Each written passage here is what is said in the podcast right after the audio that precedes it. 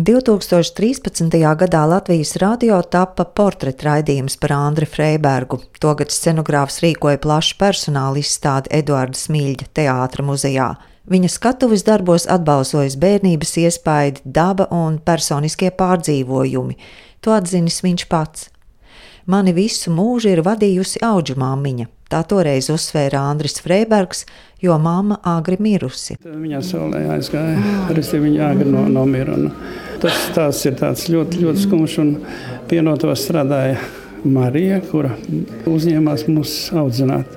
Nu, viņa ir Marija, un es reiz atnākdams no skolas, kādā 3. un 4. klasē, mēs viņu saucam par Mārīti, jo nevarējām to Mariju izrunāt. Un es viņai lūk, jautāju, kāpēc visi bērni savus mammiņas sauc par mammu, un es tevi saucu par Māriju.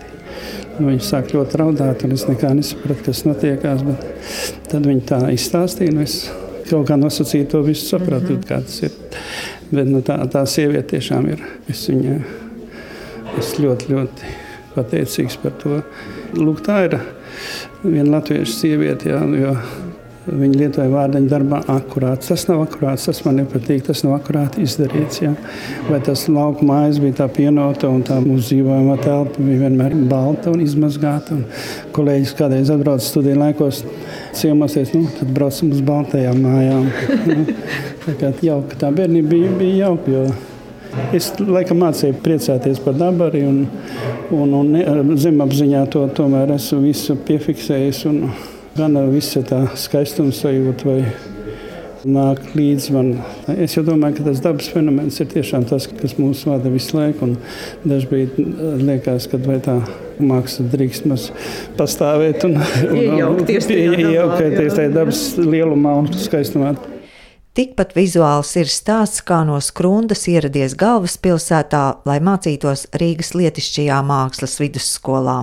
Ar koka čemodāniņu ar uh, oru man atbrauc tagadējais zirgpasts. Tā bija pirmā mana pieturas vieta. Dzirnā viela 46, tagadējais zirgpasts. Tur, nu, lūk, no stācijas tiešām ar oru man es atbraucu. Tā man mammiņa bija vēlējusi, lai es nekur nenomaldos. Tur bija daļrunātniecības skola, tagadējais zirgpasts, kur tur es sāku. Man ļoti no sākuma ļoti nepatika. Ļoti, ļoti es, es biju gatavs kājām iet atpakaļ uz savu dzimto māju. Un, Jo es, es biju to iedomājies visu kā tādu, ka skola būs kaut kāda. Nu, ja ne operas māja, tad kaut kas tāds ļoti maistāstisks un liels un izrādījās ne, necilais zirgu pasta koku būvu. Tā kā tā man arī bija tā drusku, drusku. Un otrkārt, nu, kaut kāda vientulība un, un, un, un tas kontrasts ir tik liels, jo es nebiju gatavs visiem šiem pilsētas pārbaudījumiem. Bet, nu, ar laiku, protams, viss nostājās savās vietās. Zīmīgi, ka Margaritas Ziedas grāmatas par Andri Freibergu atvēršana 2015. gadā notika tieši šajā pat namā, Zirgu pastā. Andra Freiberga telpa ir dzīva, garīga, jutekliska Tā grāmatu ievada Margarita Zieda. Nu, man pašai bija liels pārsteigums un tā emocionāli tuvi stāsti par, par Andru Freibergu pirmajiem režisoriem, tad, kad viņš vēl tikko bija beidzis Mākslas akadēmiju 60. gadu beigās. Un tā bija Māra Ķimela, kas bija atbraukusi no Maskavas teātra institūta Giķis, un viņi ap kopā bija izveidojuši Liepājā stikla zvērdnīcu, nu, būtībā pirmo nosacīto scenogrāfiju Latvijā izrādi, kas notika nosacītās dekorācijās. Un lielais skandāls ar ar Kurtu Friedrichsonu idiotu un Pēteru Petersonu, kur arī bija šīs sakņu rīves, kā toreiz teica viens no aktieriem Māris Rozentāls. Tas pat nāca vēlāk, bet tas pirmais bija tas liepājas izmēģinājums. Un, un Andris arī grāmatā saka, ka viņš jūt, ka pat tādu viņa režisori varētu kļūt Māra Ķimela. Grāmatā tieši šis viņa sadarbības posms ir diezgan uh, dāsni atspoguļots, un es esmu tiešām bez gala pateicīga Mārai Ķimelei par viņas stāstiem. Viņa pirmajām izrādēm stikla zvērnīca Liepājas teātrī, par krauklīti jaunatnes teātrī. Nu, tās ir tās lapus, kas ir mazāk zināmas. Arī Gintars Vārnas, Andrim Freibergam ārkārtīgi tuvs režisors. Mihaila Grusdo, taču viņa veids būtībā, var teikt, tādu nu, fundamentālu dailes teātra lielās skatuves atvēršanu, kad pirmo reizi tika izmantot visa šī gigantiski milzīgā skatu tiešām iedzieniskā veidā. Viņa teātris, varētu teikt, ir jaunatnes teātris, vai viņa teātris ir ļoti daudz? Ne, no Andris Breibergs pats uzskata, ka tiešām ka, ka viņa tas labākais, laimīgākais, vērtīgākais laiks ir jaunatnes teātris. Es kā cilvēks, kas ar tādu zināmu distanci uz to visu skatās, gribētu teikt, ka viņam ir tapuši arī ārkārtīgi vērtīgi darbi arī aiz jaunatnes teātra, pirms jaunatnes teātra, līdzās jaunatnes teātrim. Paturpināsim par jaunatnes teātri. Gunāra Priedes lugas centrifūga iestudējums Adolfa Šapīro režijā par Otro pasaules karu par kurzemes katlu scenogrāfam Freibergam bijis nedaudz autobiogrāfisks. Tur, jo, cik tā nu man bija 5-6 gadi, ja tā laikā, un, un es atceros ļoti daudz, kā, kā mēs izbeigām no savas Man lauka māja, mans tēvs bija pienmēstars. Tās lauka mājas bija tādas īpašas, miestiņa centrā. Tur cilvēki satīkās. Tā pienotava bija jau kaut kāds atskaites punkts priekš tālākā. Nu, lūk, un, e, Es atceros daudzas epizodes. Jā, es atceros gan apģērba detaļas, gan kaut kādas sadzīves lietas, kā laika. Tā kā man tā likās, ka es kaut kādā mērā esmu viens no tiem izrādes personāžiem tā ir laba sajūta. Tā liekas, ka vari tā dokumentāli precīzi. Ja?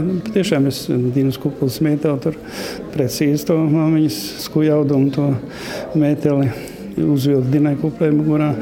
Daudz detaļas. Lūcijas Baunies no mājas atnes vienu villaini, kur zemes. Tā, kā, tā bija laba sajūta.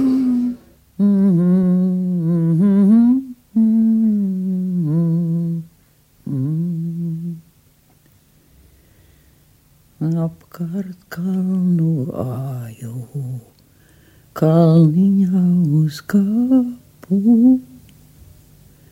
Ieraudzīju meitenīti, gauži raudājoti. Ko tu meitiņ raudi, ko tu žēlojiesi? Kā bija manim neraudāt? bāliņš karājietī. Andris Freibergs radījis scenogrāfiju ap 230 iestudējumiem dažādos Latvijas un ārzemju teātros, bijis ilgadējs Latvijas Nacionālās operas darbinieks, goda scenogrāfs un konsultants. Īpaši Andrim Freibergam bija Hendeļa opera Alčīna. Man kādreiz tā kritika piedēvēja kaut kādu telpisko muzikalitāti. Ja? Un tagad es esmu pavisam tiešā veidā saskāros ar muziku un sapratu, ka tas mūzikas fenomens un noslēpums ir tik liels, ka diezgan grūti ir viņam kādu adekvātu lietu vai telpisku sameklēt. Ja nepavēlti mūziku ilustrēt ar, teiksim, ar gaismu, kas varētu būt nu, analogs. Ja. Tomēr, manuprāt, nevienam vēl nav šo baldienu izdevies, jo Mūzikā ir tik ļoti kaut kas personisks un reizē abstrakts vai arī konkrēts, bet, bet līdz galam nepateicis. Man, mēs taču mūzikai ļaujoties varam būt ļoti subjektīvi. Jūs pārdzīvojat vienu lietu, Hendeļa Alčīnas gadījumā es pārdzīvoju savu, pieslēdzos ar saviem failiem, jūs ar saviem. Ja? Tā amplitūda ir izcili liela un, manuprāt, tāpēc mūzika ir mūžīga un mēģināt rast ar, ar telpa, ar krāsu, ar formu nav nemaz vienkārši. –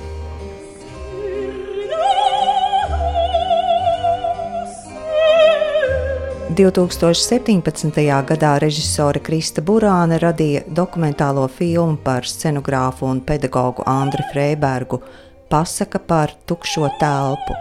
Būtiska nozīme šajā stāstā ir operas skatuvei, Maskavas izstādēji, studentiem, atmiņām un animācijai ar animācijas palīdzību ir iespējams savienot dzīves kā fakta un dzīves kā iztēles jā, pastāvēšanu. Jo tādā atmiņās jau mēs vienmēr kaut ko mazliet noņemam nost vai pieliekam klāt, bet vienalga stāstām vai retušējam. Jā. Un, ņemot vērā to, ka mēs patiešām stāstām pasaku, tad arī animācijas formāts ļauj šo pasaku stāstīt ļoti, ļoti pilnesinīgi. Visarežģītākais varbūt bija tas, ka Andris ārkārtīgi spēcīgi jūt kadru. Viņā arī ir ļoti spēcīga vēlme režisēt to, kā izskatīsies. Mēs eh, daudzos brīžos, protams, arī ņēmām to vērā. Bet mums visu laiku bija tā sajūta, ka mēs filmā sadarbojamies un esam līdzvērtīgi režisori. Bet man noteikti jāpiemina Valdis Celmiņš kā filmas eh, galvenais scenogrāfs, kurš arī ārkārtīgi pētīja un skatījās to, kā Andris strādā un viņa darba metodas. Mēs mēģinājām filmas vizuālo tēlu būvēt pēc Andra Freiberga Scenogrāfijas. Scenogrāfijas un režijas. Un, un, režijas un, viņa, un, un to, kā viņš redz pasauli. Tā kā, jā, ja viņš pats filmā saka, ka viņu sauc par kastīšu Andri, tad mums ir tāda kastīšu filma mm. savā ziņā. Jūs nelaužaties tur, kur nelaiž filmas varonis, un tomēr jūs vairāk kārt filmā runājat par nāvi. Uh, Andris vairāk kārt runā par nāvi un pats, uh, pats un uh, faktiski. Um, tajā brīdī, kad es sāku veidot filmu, man bija tā sajūta, ka nāve ir tēma, kas caurvīja viņa dzīve ļoti, ļoti spēcīga, un ka mēs nevaram izvairīties no šīs tēmas. Un, un viņa man arī likās ļoti būtiska arī mākslas kontekstā, kā viens no būtiskākajiem jautājumiem, par ko runā, par ko domā lieli mākslinieki. Un, jā, filma ir par to, kā cilvēks ar smaidu domā par nāvi, nezaudējot dzīves prieku, arī tā varētu teikt, nezaudējot uh, spēju radīt nāves klātesamības, uh, jā, nāves klātesamību. Jā. 2019. gadā Andrim Freibergam bija privilēģija būt telpas režisoram savai izstādēji 136 kāpieni izstāžu zāles arsenāls radošajā darbnīcā, uz kuru arī bija jākāpj pa neparasti augstajām kāpnēm. Nu, es visu laiku domāju, vai es esmu scenogrāfs vai, vai tēlotājs mākslinieks, uz kuru pusi tā mana profesija ir, kā saka, lielāka lauka ieņem un, un gribi, negribi. Teātris ir mana zona, bet tai pašā laikā skatuves telpa un respektīvi tēlotāja māksla ir tā, kas visu akumulē, kas visu satur kopā. Un, ja man prasītu, kāpēc, teiksim, Prāgas kvadrānālē, kur mums mūžīgi aizdomīgi daudz zelta medaļas dod. Viens no tiem iemesliem, manuprāt, ir tas, ka, ja tu māki gleznot, ja tu māki zīmēt, ja tu māki just proporcijas, līnijas, gaismēnu, ja, tas bonus klāt pie visas tās teātras lietas. Pirmkārt, es domāju, ka jūs nākat augšā pa trepēm. Tad ir augšas īstenības, un dziļumā ir vēl viens treps. Tur jau sākās teātris caur to, ka šīs divas nelielā izmēra telpas optiski palielinās. Ja. Kaut kur liekas, ka tur īpaši ja būs noķer mirkli, kad tur kāpj augšā kāds. Ja. Te, no trepiem liekas, ka pagai, kur tad beigās zāles kaut kāds, ja. tas dziļums beigas lielais. Izvēloties iemūrētos, iemesli bija divi. Pirmkārt, manā scenogrāfijā šīs ir tiešām no izrādes, tās ir izrādes kāpnes, un tā kāpņu filozofija tā, tā bija pamatā iemūrēto iecerēju. Nu, lūk, parasti treps vēd augšā uz uz kuriem nezinu, uz dienas telpām, uz, uz zālēm, uz kaut kur tur. Bībelē uz debesīm, lūk, tāpēc arī. Nu, bet es vispirms tā, tā zemes dzīve šeit bet mana kalna funkcija ir, ja, ka viņas neaizved nekur. Nu, ko vēl? Es nezinu. Tiešām tas operas mūžs bija tik īss, ka man ļoti, ļoti gribējās turpināt šo izrādes stāstu un iemūrēt to kāpņu, tas modelis un arsenāla leģendārās kāpnes. Nu, nu, es sapratu, ka viss saslēdzās un, un tas notikums var notikt. Galvenais, ka viens otru saka, papildina, jā, kad uz, uztiet vai mēģināt tēlu par kaut kā vardarbīgi drusku transformēt vai darīt kaut ko. Jā. Man atlika tikai būt spēlētājām visā tajā muzeja telpās. Teātris muzejā, ja šī ekspozīcija būtu, es tiešām mēģinātu tuvināt izrādes modeliem par šo iz, izstādes struktūru.